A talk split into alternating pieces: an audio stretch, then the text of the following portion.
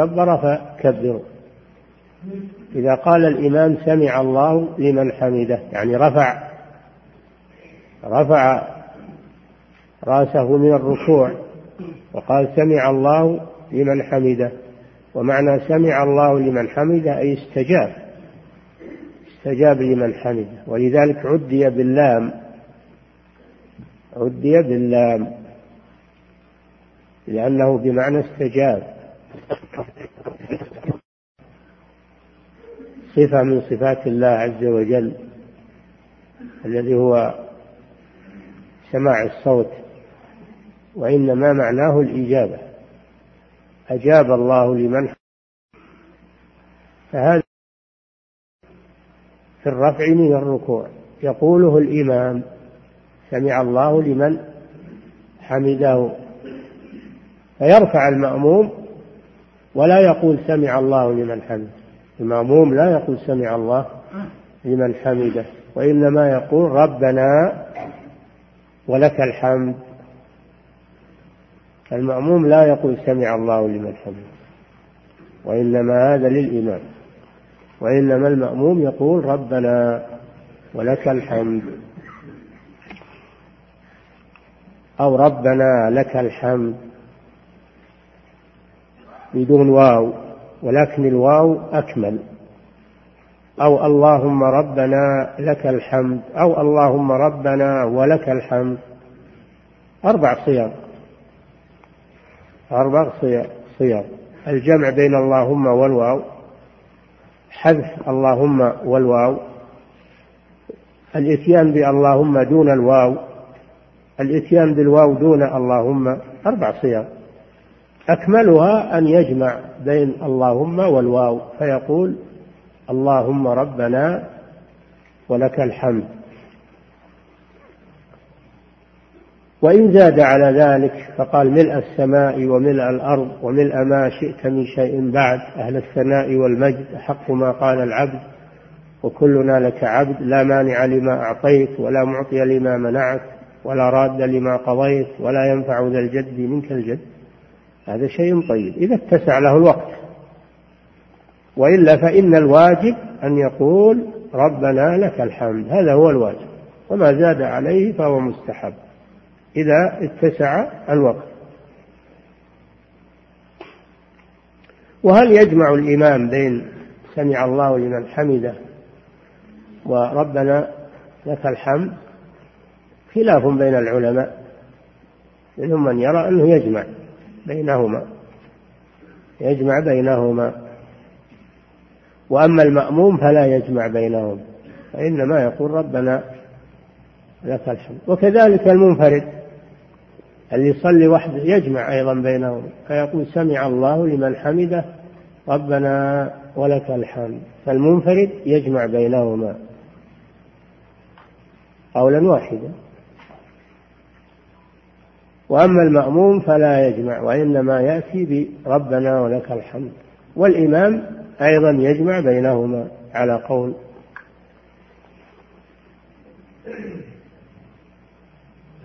وإذا سجد فاسجدوا إذا سجد يعني بعد الرفع من الركوع. وهذا يدل على الطمأنينة في الرفع من الركوع.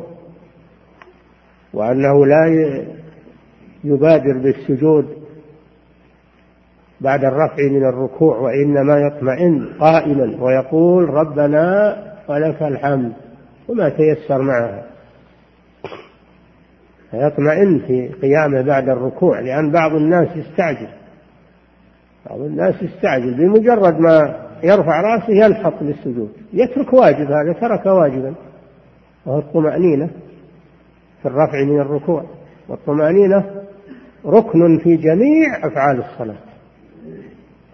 ركن في جميع أفعال الصلاة. يطمئن. ثم يسجد الإمام والمأموم واقف. المأموم واقف حتى يسجد الإمام على الأرض. ثم يسجد المأموم بعده. ولا يسجد قبله أو يسجد معه. وإنما يسجد بعده فإذا سجد فاسجدوا.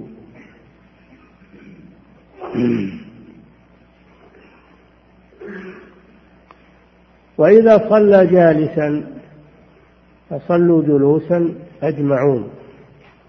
إذا صلى الإمام جالسا لعلة في الفريضة أو صلى جالسا لغير علة في النافلة. صلى جالسا لغير علة في النافلة لأن النافلة يجوز أنه يصلي جالسا ولو كان يقدر على القيام. أما الفريضة لا ما يجوز يصلي جالسا وهو يقدر على القيام. لكن لو اعتل الإمام صلى جالسا فإنهم لا يقومون خلفه وإنما يصلون جلوسا موافق هذا من باب الائتمام عدم الاختلاف. عدم الاختلاف بينهم وبين المأموم. فلا يكون المأمومون واقفين والإمام جالس. هذه مخالفة. يأتمون به حتى في الجلوس إذا جلس لعلة. وهذا يأتي تفصيله إن شاء الله. صلاة المأمومين خلف الجالس يأتي تفصيله. وقوله أجمعون. أجمعون. هذا تأكيد. هذا من ألفاظ التأكيد. ولكن جاءت بالرفع أجمعون. بالرفع أجمعون. والقاعدة اللغوية أن تكون بالنصب. أجمعين فصلوا جلوسا أجمعين. وقد جاءت في بعض الروايات أجمعين تكون موافقة للوجه اللغوي. لأن التأكيد يتبع المؤكد والمؤكد منصوب. جلوسا هذا منصوب. أجمعين. تأكيد. ولكن خرجوا رواية الرفع أجمعون على أنها تأكيد للواو واو الجماعة. صلوا. أو الجماعة صلوا. والجماعة فاعل. فأجمعون تأكيد للمرفوع وتأكيد المرفوع مرفوع. فلها وجه في اللغة ولكن وجه النصب أشهر. وقد وردت في بعض الروايات صلوا جلوسا أجمعين. يعني لا تختلفوا بعضكم يكون واقف بعضكم جالس. بل تابعوا الإمام. وهذا محمول على ما إذا صلى الإمام جالسا لعلة يرجى زوالها. إمام الحي الإمام الراتب عرضت له علة. فصلى جالسا لأجل العلة. قوله صلى الله عليه وسلم يصلي المريض قائما فإن لم يستطع فقاعدا فإن لم يستطع فعلى جنب. فإذا اعتل الإمام الراتب في أثناء الصلاة أو قبل الصلاة احتاج إلى الجلوس. فإنهم يجلسون خلفه ولا يقومون وهو جالس لأن هذه مخالفة وسيأتي تفصيل هذا.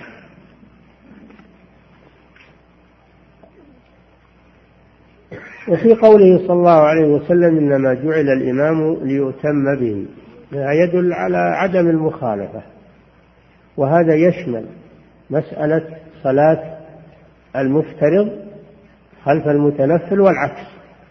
ظاهره أنه لا يجوز أن تختلف النية بين الإمام والمأمومين. فلا يكون المأموم ينوي نافلة والإمام ينوي فريضة أو العكس. هذا ظاهر الحديث. وقال به جمع من أهل العلم أنه ما يجوز أن, يقتد أن تختلف النية بين الإمام والمأموم. والصحيح أن هذا يجوز لورود الأدلة في ذلك كثيرة. صلاة المأموم نافلة وصلاة الإمام فريضة أو العكس. فكان معاذ رضي الله عنه يصلي مع النبي صلى الله عليه وسلم ثم يخرج ويصلي بأصحابه هي له نافلة ولهم فريضة وأقره النبي صلى الله عليه وسلم على ذلك ولم ينكر عليه. فدل على جواز صحة صلاة المفترض خلف المتنفل. وكذلك النبي صلى الله عليه وسلم في صلاة الخوف ورد أنه صلى بطائفة وسلم صلى بطائفة ركعتين وسلم ثم جاءت طائفة أخرى فصلى بهم ركعتين. الثانية للرسول صلى الله عليه وسلم نافلة وهي لهم فريضة. دل على صحة صلاة المفترض خلف المتنفل. والعكس. صلاة المتنفل خلف المفترض لأن رجلين جاء في صلاة الفجر في مسجد الخير والرسول صلى الله عليه وسلم يصلي بأصحابه فجلس خلف الصف ولم يصلي معهم فلما سلم النبي صلى الله عليه وسلم دعا بهما فجيء بهما بين يدي الرسول صلى الله عليه وسلم. قال ما منعكما أن تصليا معنا؟ قالوا يا رسول الله إنا صلينا في رحالنا يعني في منازلنا. قال لا تفعلا إذا صليتما في رحالكما ثم جئتما والصلاة تقام فصلوا معهم فإنها لكم نافلة. فدل على صحة صلاة المتنفل خلف المفترض. ويكون هذا مخصصا لقوله صلى الله عليه وسلم إنما جعل الإمام ليؤتم به. أن أن ذلك خاص بالأفعال والأقوال دون النية. يجوز أن تختلف النية بين الإمام والمأمومين أو بين الإمام والمأموم.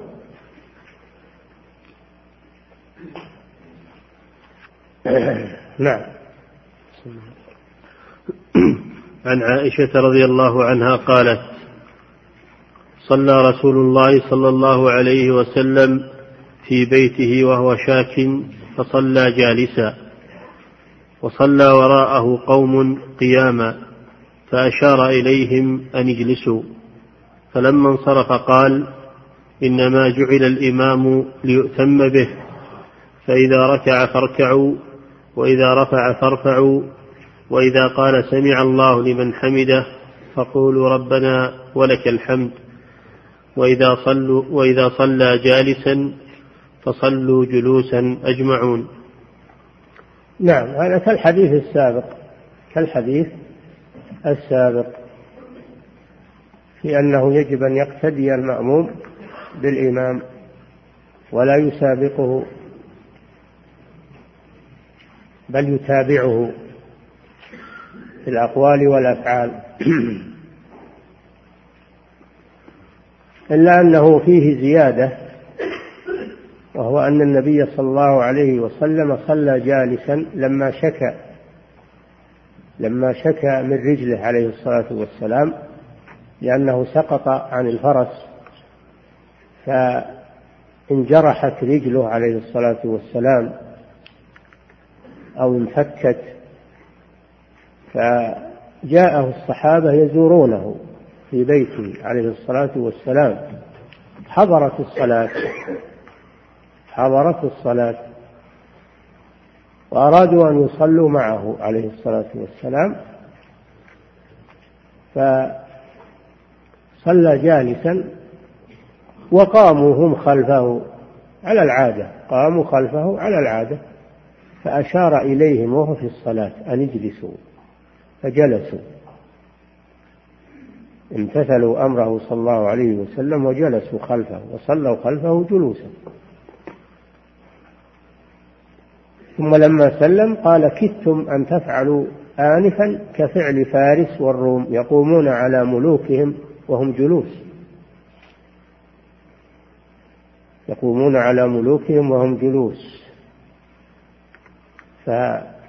فمنعهم صلى الله عليه وسلم من القيام خلفه منعا للتشبه بالأعاجم الذين يقومون خلف ملوكهم وهم يقومون على رؤوس ملوكهم وهم جلوس. هذه ناحية. والناحية الثانية أن هذا فيه مخالفة للإمام.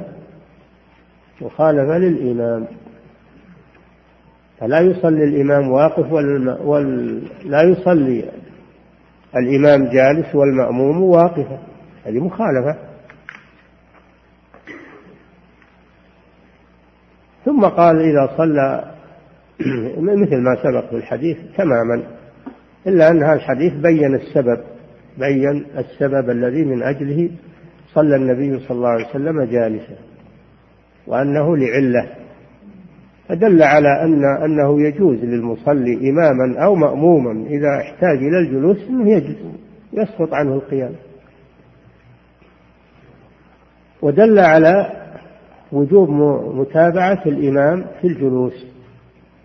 متابعة الإمام في الجلوس وأنه لا يجوز أن يكون الإمام جالسا والمأموم واقفا.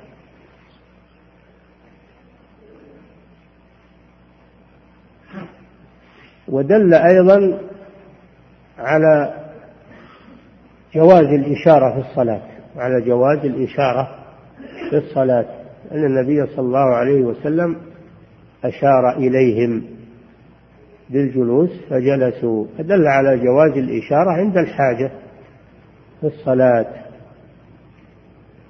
نعم. عن عبد الله بن يزيد الخطمي الأنصاري.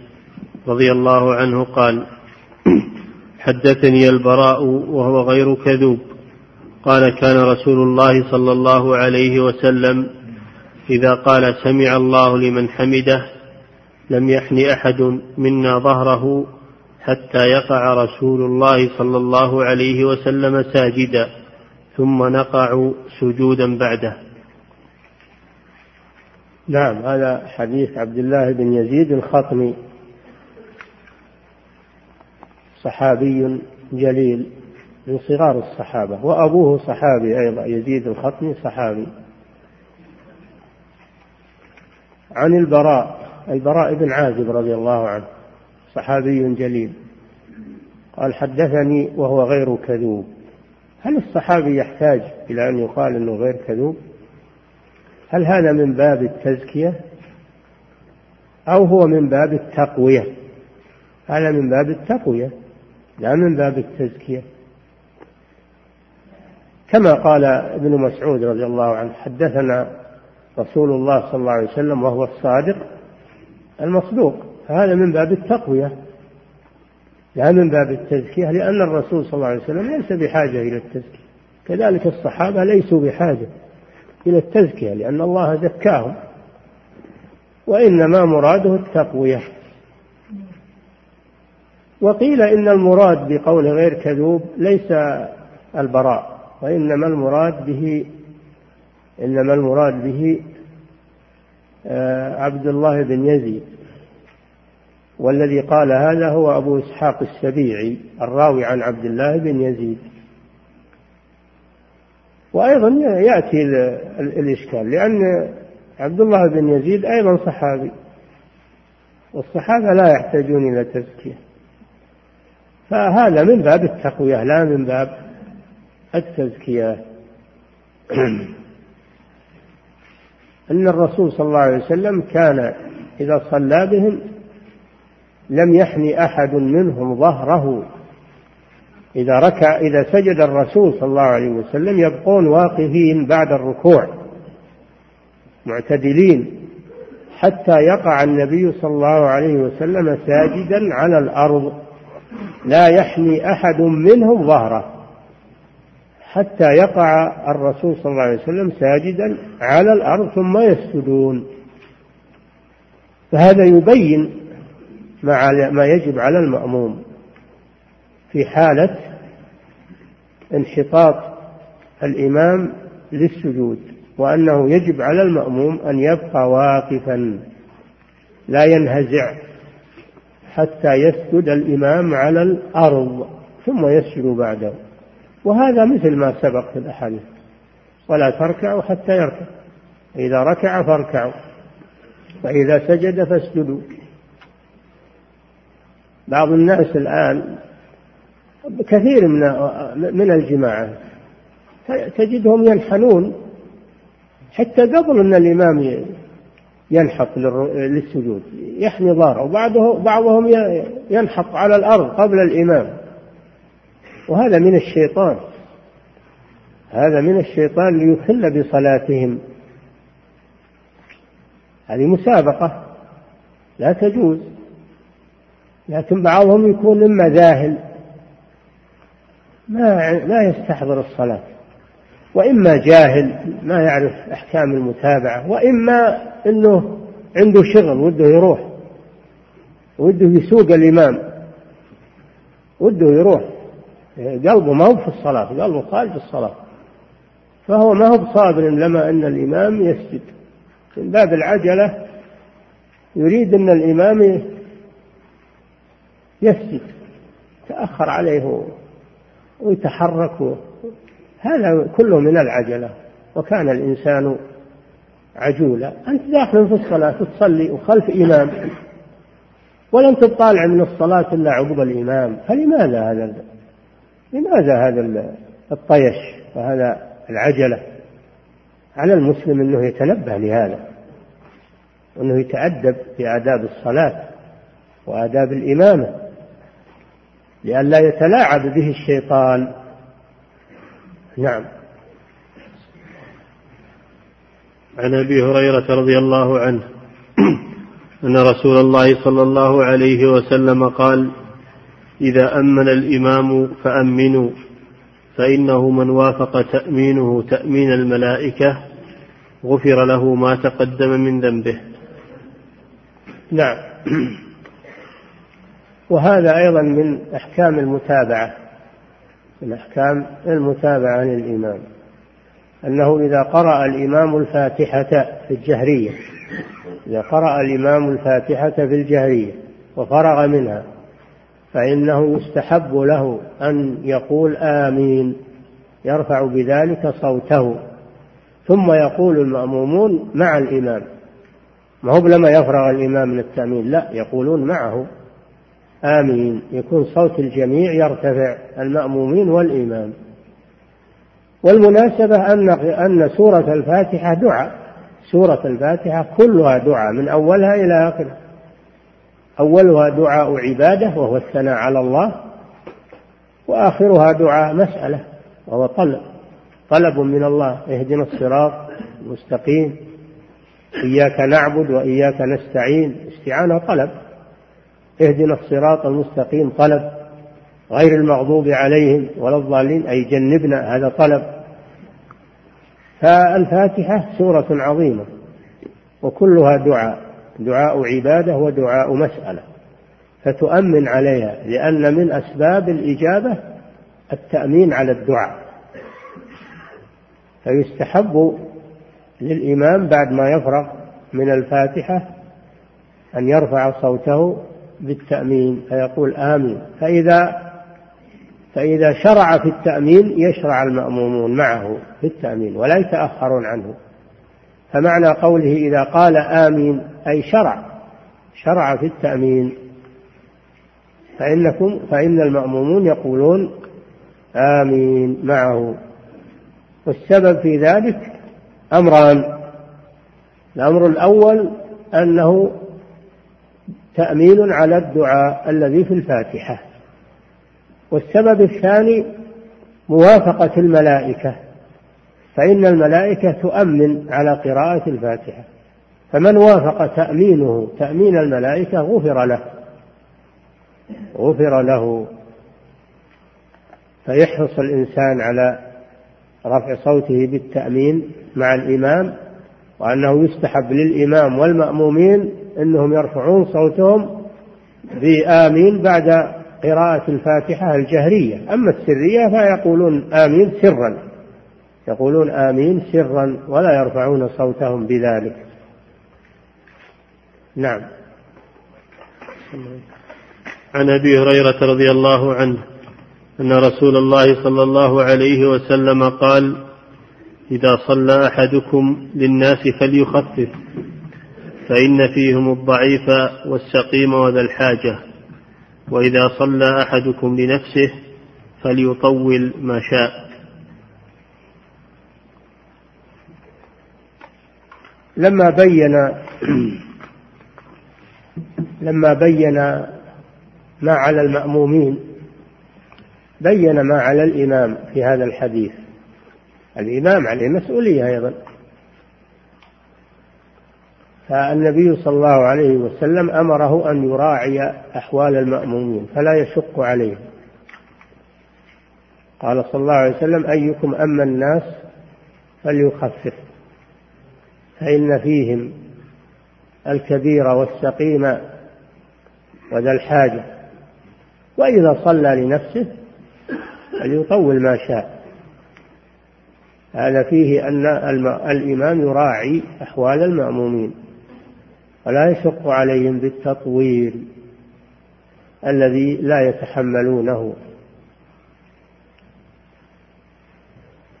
وإن كان التطويل في الصلاة أفضل ولكن إذا ترتب على التطويل إساءة إلى المأمومين فدرء المفاسد مقدم على جلب المصالح. فالمأموم لا يطول الصلاة مراعاة للمأمومين. لأنهم ليسوا على حد سواء. منهم الكبير الهرم ومنهم السقيم يعني المريض ومنهم الذي له حاجة. هو صحيح وقوي لكن له حاجة. طول عليه تفوت حاجته. فلا تحرجه. فلا تحرجه. فأنت توسط في صلاتك. لا تنقرها نقر الغراب. ولا تطولها وتشق على المأمومين.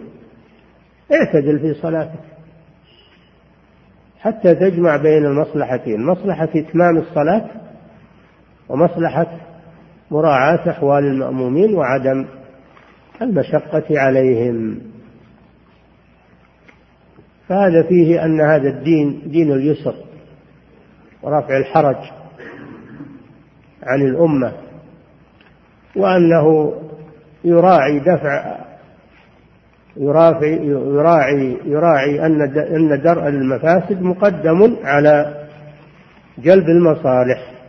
فالمفاسد التي تحصل بالتطويل تراعى تراعى وتدرى وتقدم على جلب المصالح التي في التطويل. ودل الحديث على أن الإنسان إذا صلى لنفسه يعني صلى منفردا فإنه يطول ما شاء لأنه لا يشق على أحد. لا يشق على أحد. فإن قلت أليس الرسول صلى الله عليه وسلم يطيل الصلاة؟ والصحابة يصلون خلفه فنقول صلاة الرسول لها وضع خاص. الصحابة يحبون تطويل الرسول صلى الله عليه وسلم ويفرحون به. فإذا وهذا أيضا حتى في غير الرسول. إذا كان المأمومون يحبون التطويل كلهم وليس فيهم من يمنع من التطويل. إذا كانوا كلهم يحبون التطويل وهم محصورون فلا بأس أن تطول كما كان النبي صلى الله عليه وسلم يفعل. أما إذا كان فيهم من لا يناسبه التطويل فأنت تراعي أحوال المأمومين. تراعي أحوال المأمومين. نعم. عن أبي مسعود الأنصاري البدري رضي الله عنه قال جاء رجل إلى رسول الله صلى الله عليه وسلم فقال إني لا اتاخر عن صلاة الصبح من أجل فلان مما يطيل بنا فيها. قال فما رأيت النبي صلى الله عليه وسلم غضب في موعظة قط أشد مما غضب يومئذ. فقال يا أيها الناس إن منكم منفرين فأيكم أما الناس فليوجز فإن من ورائه الكبير والصغير وذا الحاجة. نعم هذا الحديث فيه أن رجلا جاء يشكو إلى النبي صلى الله عليه وسلم أن الإمام يطول عليهم طول عليهم. فغضب النبي صلى الله عليه وسلم. استنكارا لهذا الفعل وفعل هذا الإمام. وقال أيها الناس هذا عام لجميع الأئمة إن منكم منفرين منفرين. اللي يطولون على الناس هؤلاء ينفرون الناس من صلاة الجماعة. والمطلوب التأليف مطلوب التأليف وجمع الكلمة وعدم التنفير. التطويل الذي ينفر الناس هذا لا يجوز. التطويل الذي ينفر الناس عن صلاة الجماعة أو يجعلهم يتكلمون يجعلهم يتكلمون ويلومون هذا غير مرغوب فيه. الإمام يتجنب هذا يتجنب إحراج المأمومين. يتوسط في صلاته. لا ينقرها نقرا يخل بها ولا يطيلها إطالة تشق على من خلفه. والجماعة ليسوا على حد سواء. هم كلهم أقوياء ولا كلهم يحبون التطويل. فيهم الكبير الهرم وفيهم الضعيف. الضعيف بالمرض أو ضعف الحال وفيهم اللي له حاجة حاجة يريد أنه يذهب إليه تفوت حاجته. تفوت حاجته إذا طولت عليه تفوت حاجته. والدين دين اليسر ورفع الحرج ودين التأليف وعدم التنفيذ. فهذا فيه الغضب عند إنكار المنكر. من أجل ردع الناس وأن التطويل الذي يشق على المؤمنين أنه منكر يقتضي الإنكار والغضب. وإن كان صاحبه يريد الخير يريد الخير لكن هذا ما هو بخير لأنه يحصل به تنفير تنفير هذا ما هو بخير. وكما ذكرنا القاعدة أن درء المفاسد مقدم على جلب المصالح. وتأليف الناس مقدم على تنفيرهم. هذا يدل على مسؤولية الإمام وأنه يراعي المأمومين. وأن من خرج عن هذا النظام الشرعي أنه فعل منكرا ينكر عليه. ولو كان في نفسه أنه خير وأنه هو منكر لأنه في غير محله. في غير محله. ولما صلى معاذ رضي الله عنه بأصحابه صلاة العشاء وقرأ سورة البقرة وكان خلفه رجل معه نواضح يعني معه إبل يثني عليها وقف النواضح وجاء يصلي. معاذ استمر في الصلاة. الرجل خشي على نواضحه أنها تضيع فنوى الانفراد. وأكمل صلاته منفردا. وسلم وراح أخذ نواضحه راح الشغل. وجاء إلى النبي صلى الله عليه وسلم. ومعاذ لما بلغه الخبر غضب على هذا الرجل تكلم فيه. انتهى الأمر إلى الرسول صلى الله عليه وسلم. الرسول استدعى معاذا وقال له أفتان أنت يا معاذ؟ فتان يعني تفتن الناس فيتكلمون ويتحرجون. معاذ بن جبل عالم الصحابة. قال له أنت فتان. دل على أن الإنسان ولو كان من أهل الفضل وأهل العلم إذا فعل فعلا إذا فعل فعلا يخالف المشروع أنه ينكر عليه. ولو كان من أعلم الناس وأفضل الناس وأتقى الناس. دل على مسؤولية الإمام. دل على مسؤولية الإمام وأنه يرفق بالمأمومين ولا يشق عليهم ويراعي أحوالهم. هذا المطلوب من الإمام. وأن التأليف مطلوب وأن التنفير منكر ولا يجوز. نعم. باب صفة صلاة النبي صلى الله عليه وسلم. بقيت قضية صلاة القائم خلف القاعد. هذه اختلفت الأحاديث فيها. فيها أن الرسول صلى الله عليه وسلم لما زاروه في بيته أمرهم بالجلوس خلفه وصلى بهم جالسا وهم جلوس. ثم في مرض موته صلى الله عليه وسلم خرج إليهم وأبو بكر يصلي بالناس بأمر الرسول صلى الله عليه وسلم. الرسول لما مرض استخلف أبا بكر الصديق رضي الله عنه يصلي بالناس. ففي صلاة الفجر وجد صلى الله عليه وسلم في نفسه خفة ونشاطا فخرج إليه وهم يصلون خلف أبي بكر.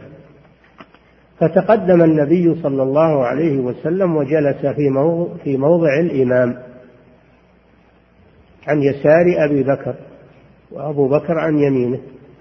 فصلى بهم رسول الله صلى الله عليه وسلم جالسا وأبو بكر والناس صلوا قياما ولم يأمرهم بالجلوس. لم يأمرهم بالجلوس بل صلوا قياما. يكبر النبي صلى الله عليه وسلم ويكبر أبو بكر بعده يبلغ الناس. صار أبو بكر مبلغا. تحول من إمام إلى مأموم. وصار يكبر بتكبير الرسول صلى الله عليه وسلم لضعف صوت الرسول صلى الله عليه وسلم بسبب المرض. فصار يبلغ من خلفه. صلى أبو بكر والناس قياما وصلى رسول الله صلى الله عليه وسلم بهم جالسا. يصلي أبو بكر بصلاة النبي صلى الله عليه وسلم ويصلي الناس بصلاة أبي بكر. فالحديث الأول فيه أنه أمرهم بالجلوس. وهذا الحديث فيه أنه أقرهم على القيام ولم يأمرهم بالجلوس. وقد اختلف العلماء رحمهم الله في هذين الحديثين. فبعضهم يقول إن حديث مرضه صلى الله عليه وسلم يكون ناسخا. يكون ناسخا للحديث الأول الذي صلى بهم في بيته. لأنه آخر الأمرين. فيكون ناسخا إذا فلا يجوز للمأموم أن يجلس. ولو صلى إمامه جالسا للعذر بل يصلي واقفا. لأن هذا آخر الأمرين. فيكون ناسخا لما سبق. هذا مذهب الجمهور. عند الإمام أحمد يقول لا يصار إلى النسخ مع إمكان الجمع. والجمع ممكن ولله الحمد. بأن يقال إذا بدأ الإمام الصلاة بهم جالسا وجب عليهم الجلوس كما في القصة الأولى. وإذا بدأ الإمام بهم الصلاة واقفا ثم اعتل فجلس فإنهم يتمون قياما كما في صلاة الرسول صلى الله عليه وسلم الأخيرة. هذا هو الجمع بين الحديثين وهو جمع وجيه. وكما هي القاعدة أنه لا يصار إلى النسخ مع إمكان الجمع والجمع ممكن ولله الحمد بما ذكره الإمام أحمد. نعم. باب صفة صلاة النبي صلى الله عليه وسلم. يكفي. نسأل الله إليك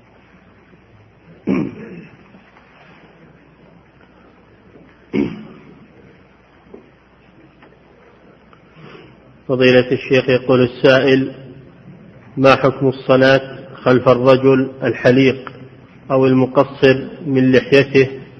وما حكم الصلاة خلف المسبل؟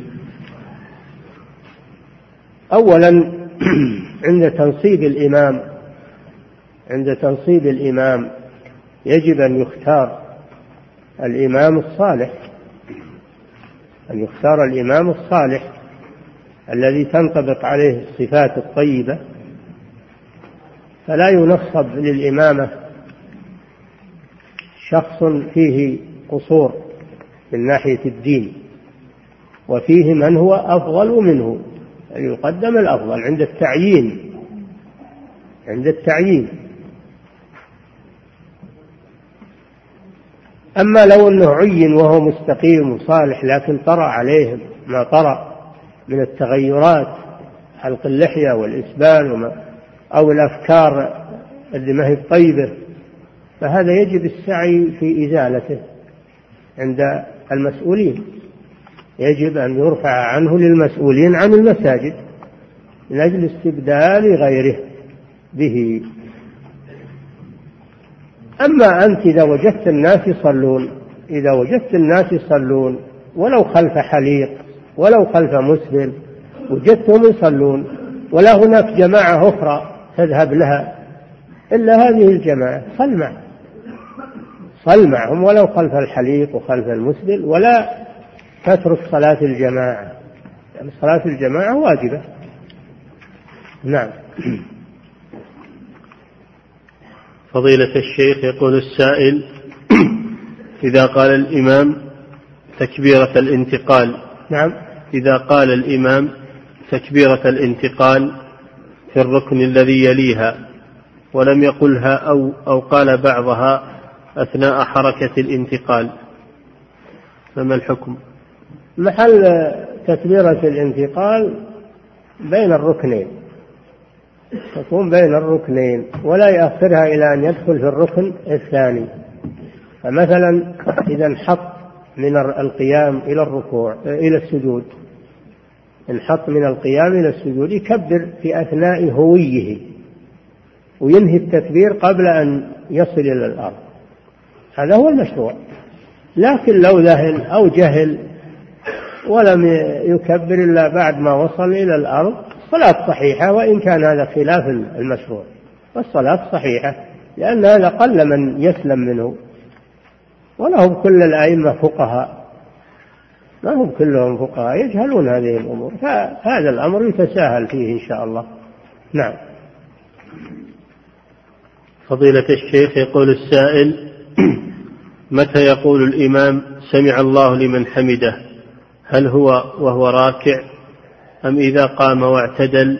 وما حكمه يقوله وهو مرتفع وهو يرتفع.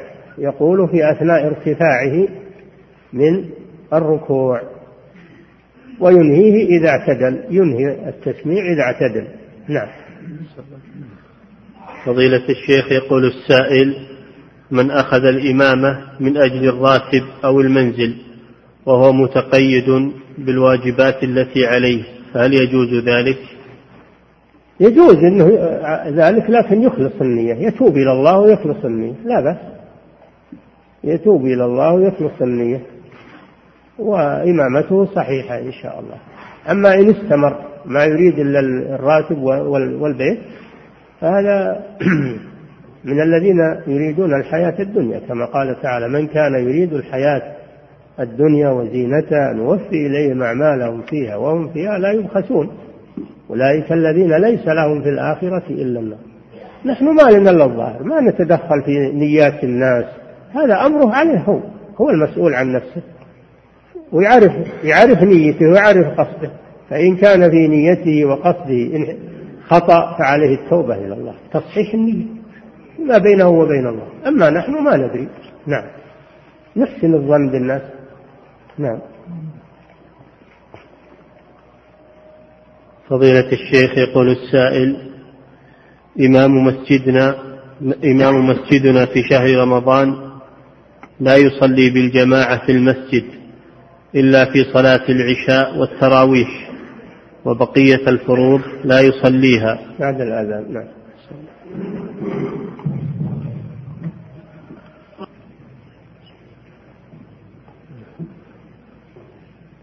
نعم. أحسن الله إليك فضيلة الشيخ. يقول السائل إمام مسجدنا في شهر رمضان لا يصلي بالجماعة إلا في صلاة العشاء والتراويح وبقية الفروض لا يصليها وذلك لأجل الاستعداد لصلاة التراويح. لأجل لأجل الاستعداد لصلاة التراويح. استعداد؟ نعم. نعم. يقول وذكرت ذلك بعد مناصحته وهذه أصبحت ظاهرة في هذه الأزمنة في بعض المساجد في شهر رمضان ورأيناها تكررت. في المساجد الذي يؤمها إمام صوته حسن وجميل فما حكم هذا؟ قلنا إنه يجب على الإمام أن يتقي الله سبحانه وتعالى والإمامة في الفروض أهم من الإمامة في التراويح. الإمامة في الفروض أهم من الإمامة في التراويح. ثم أيضا ما يتعارض إمامته في الفروض مع استعداده للتراويح هذا ما يتعارض بل يعينه. هذا يعينه على صلاة التراويح والاستعداد لصلاة التراويح لكن هذا يظهر أنه كسلان. إن الإمام أنه كسلان. ولا عليه أن يتقي الله وأن يحافظ على صلاة الفروض بالناس وعلى صلاة التراويح. كله مسؤول عنه هو كله مسؤول عنه. صلاة التهجد في العشر الأخير أيضا هو مسؤول. إمام فعليه أنه يتقيد بهذه الأمور ويقوم بإمامة المسجد على الوجه المطلوب وإلا يتخلى عنه تخلى عنه تولى غيره من يقوم بالإمامة على الوجه المطلوب.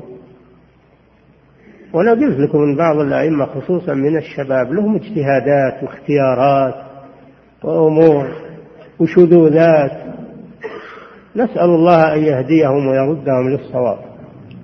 وأن يعودوا إلى صوابهم ويتركوا هذه الأمور.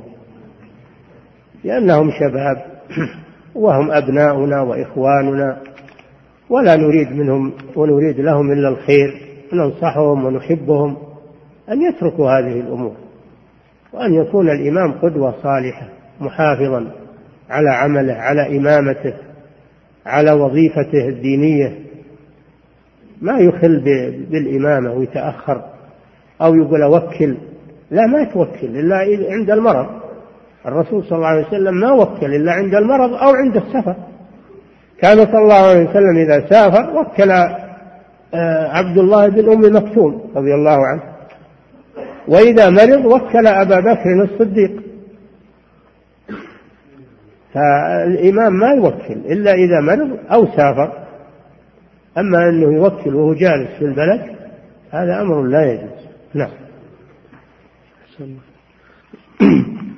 أحسن الله إليك فضيلة الشيخ. يقول السائل إذا فعل الإمام فعلا لا يراه المأموم كالجهر بالبسملة أو القنوت في الفجر أو نحو أو نحو ذلك أو نحو ذلك فهل يبقى المأموم خلف الإمام أم ينفرد عنه؟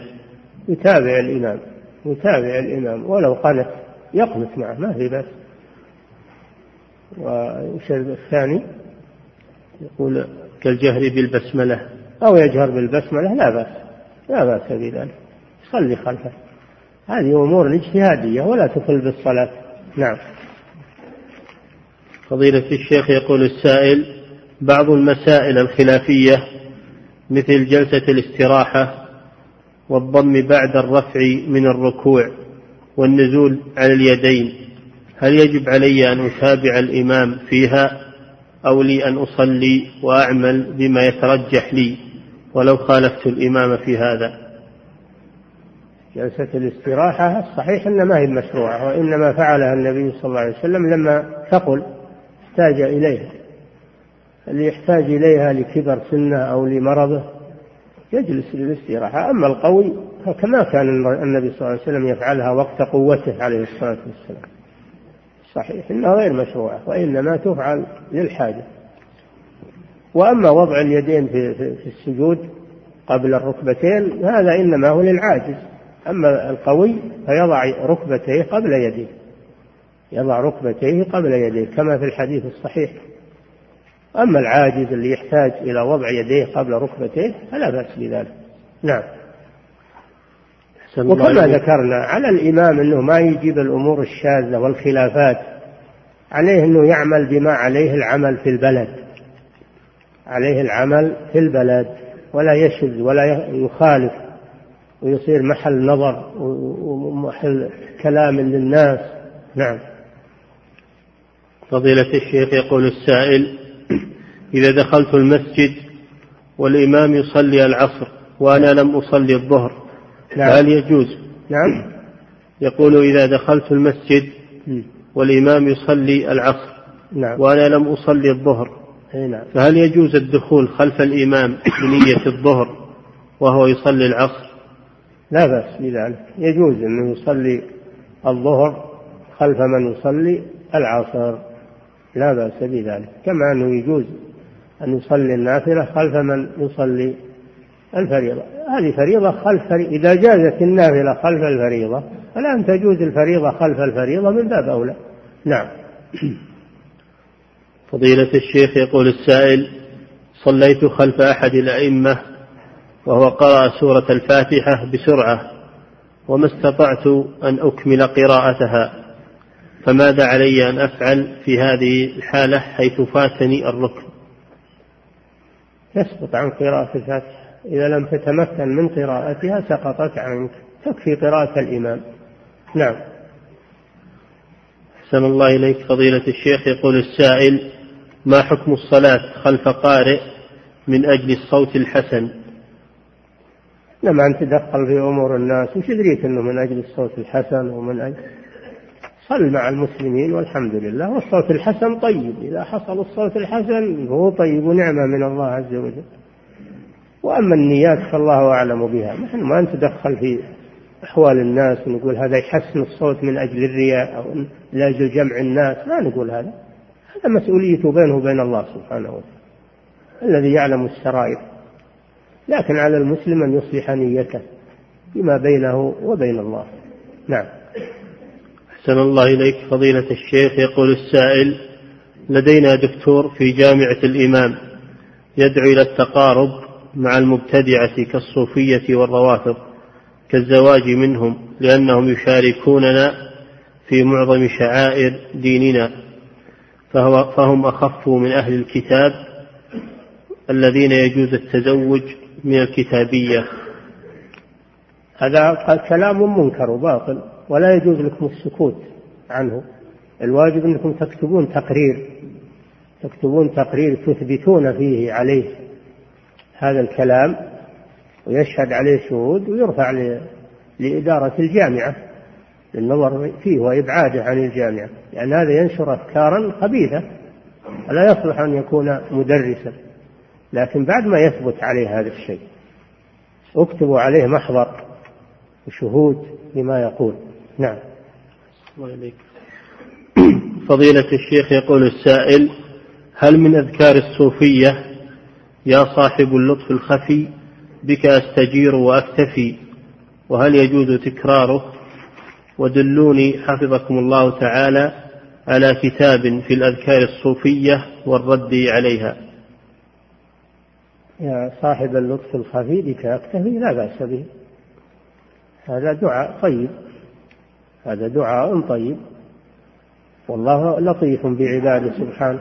ولطفه خفي يخفى على الناس والاكتفاء بالله عز وجل والتوكل على الله هذا شيء طيب. هذا الدعاء لا حرج لا لا حرج فيه. ولو هذا دعاء الصوفية هذا دعاء مشروع. وأما الكتب اللي ترد على الصوفية كثيرة. منها أوسعها وأبلغها مدارج السالكين لابن القيم. وفي الرد على الصوفية وبيان شطحاتهم وأغلاطهم. إنه توسع في هذا الكتاب وأجاد وأفاد. ثم في كتاب عصري للشيخ عبد الرحمن الوكيل اسمه مصرع التصوف كتاب متوسط. مصرع التصوف وهو كتاب جيد. كتاب جيد لمن يطلع عليه. نعم. فضيلة الشيخ يقول السائل هل لمن صلى على أكثر من جنازة؟ هل له بعدد الجنائز قراريط؟ أم, لا أم أن له قراطا واحدا تبي تحاسبه أنت؟ صل على الجنائز له إن شاء الله ما وعد به الرسول صلى الله عليه وسلم. على كل جنازة قراط كما أخبر النبي صلى الله عليه وسلم. وفضل الله واسع فضل الله واسع. نعم. فضيلة الشيخ يقول السائل هل يجوز إذا أطال الإمام وأنا لا بد لي من مفارقته لحاجة؟ هل يجوز أن أنوي الصلاة منفردا وأكملها وحدي؟ نعم. إذا عرض للمأموم عارض يقتضي أنه ينفرد مثل مرض أصابه مرض ولا يستطيع أنه يستمر فله أن ينوي الانفراد ويكمل صلاته خفيفة ويخرج. أو أنه خشي على تلف ماله أو ضياع ماله فإن له أن ينفرد ويكمل صلاته ويسلم ويذهب لحفظ ماله وما أشبه ذلك من الأعذار. نعم. أحسن الله إليك. فضيلة الشيخ يقول السائل أو خشي أنه تفوته الرفقة يبي يسافر. وخشي أنه إذا استمر مع الإمام الرفقة يسافرون فله أن ينفرد ويكمل صلاته ويلحق برفقائه بالسفر نعم. فضيلة الشيخ يقول السائل ما هو ضابط التخفيف في الصلاة؟ مع الإتمام. الضابط أن يكون تخفيفا مع مع الإتمام. أن يأتي بالواجبات. أن يأتي بالواجبات. ويطمئن. لابد من الطمأنينة والإتيان بالواجبات في الصلاة. الأركان والواجبات. لا بد من الإتيان بالأركان والواجبات. أما السنن فهي تكميلية إن حصلت فهي تجميل للصلاة وزيادة أجر وإما حصلت الصلاة صحيحة. نعم. أحسن الله إليك. يقول السائل أنا أنوي الحج هذه السنة وأردت العمرة في أشهر الحج. نعم. يقول من نوى الحج في هذه السنة وأراد العمرة في أشهر الحج؟ شهر شوال. فهل إذا عاد من العمرة يمتنع عن قص الشعر والأظافر ويكون بحكم المحرم أم أنه يتحلل من العمرة أم أنه إذا تحلل من العمرة يحل له كل شيء إلى أن يأتي وقت الإحرام في هو هذا هو هذا هو الأخير. إذا أذهب العمرة وكملها وقصر من رأسه فإنه يحل له كل شيء حرم بالإحرام. كل شيء حرم عليه بالإحرام يحل له أن يطأ زوجته أن يتزوج أن آه، أن يحلق شعره أن يقص أظفاره لأنه حلال متحلل. فإذا جاء الحج يحرم بالحج ويكون متمتعا. نعم. أحسن الله إليك. فضيلة الشيخ يقول السائل يوجد في التسجيلات أشرطة مسجل عليها الضرب بالدف مع إنشاد للفتيات وتستمع له الفتيات والنساء في العيد بحجة جواز الدف في يوم العيد فما الحكم؟ الحكم إنه لا يجوز هذا وهذا تعليم للفتيات على الملاهي والأغاني وتسفيه للفتيات المسلمات يجب إتلاف هذه الأشرطة يجب أن تتلف هذه الأشرطة والغنى في العيد ما ما أجازه النبي صلى الله عليه وسلم إلا للجواري الصغيرات غير المكلفات جواري صغيرات. ما هم مكلفات؟ أما المكلفات فلا يجوز لهن الأغاني ولا يجوز لهن اللهو. نعم. انتهت الله الله تعالى أعلم وصلى الله وسلم على نبينا محمد وعلى آله وصحبه. الله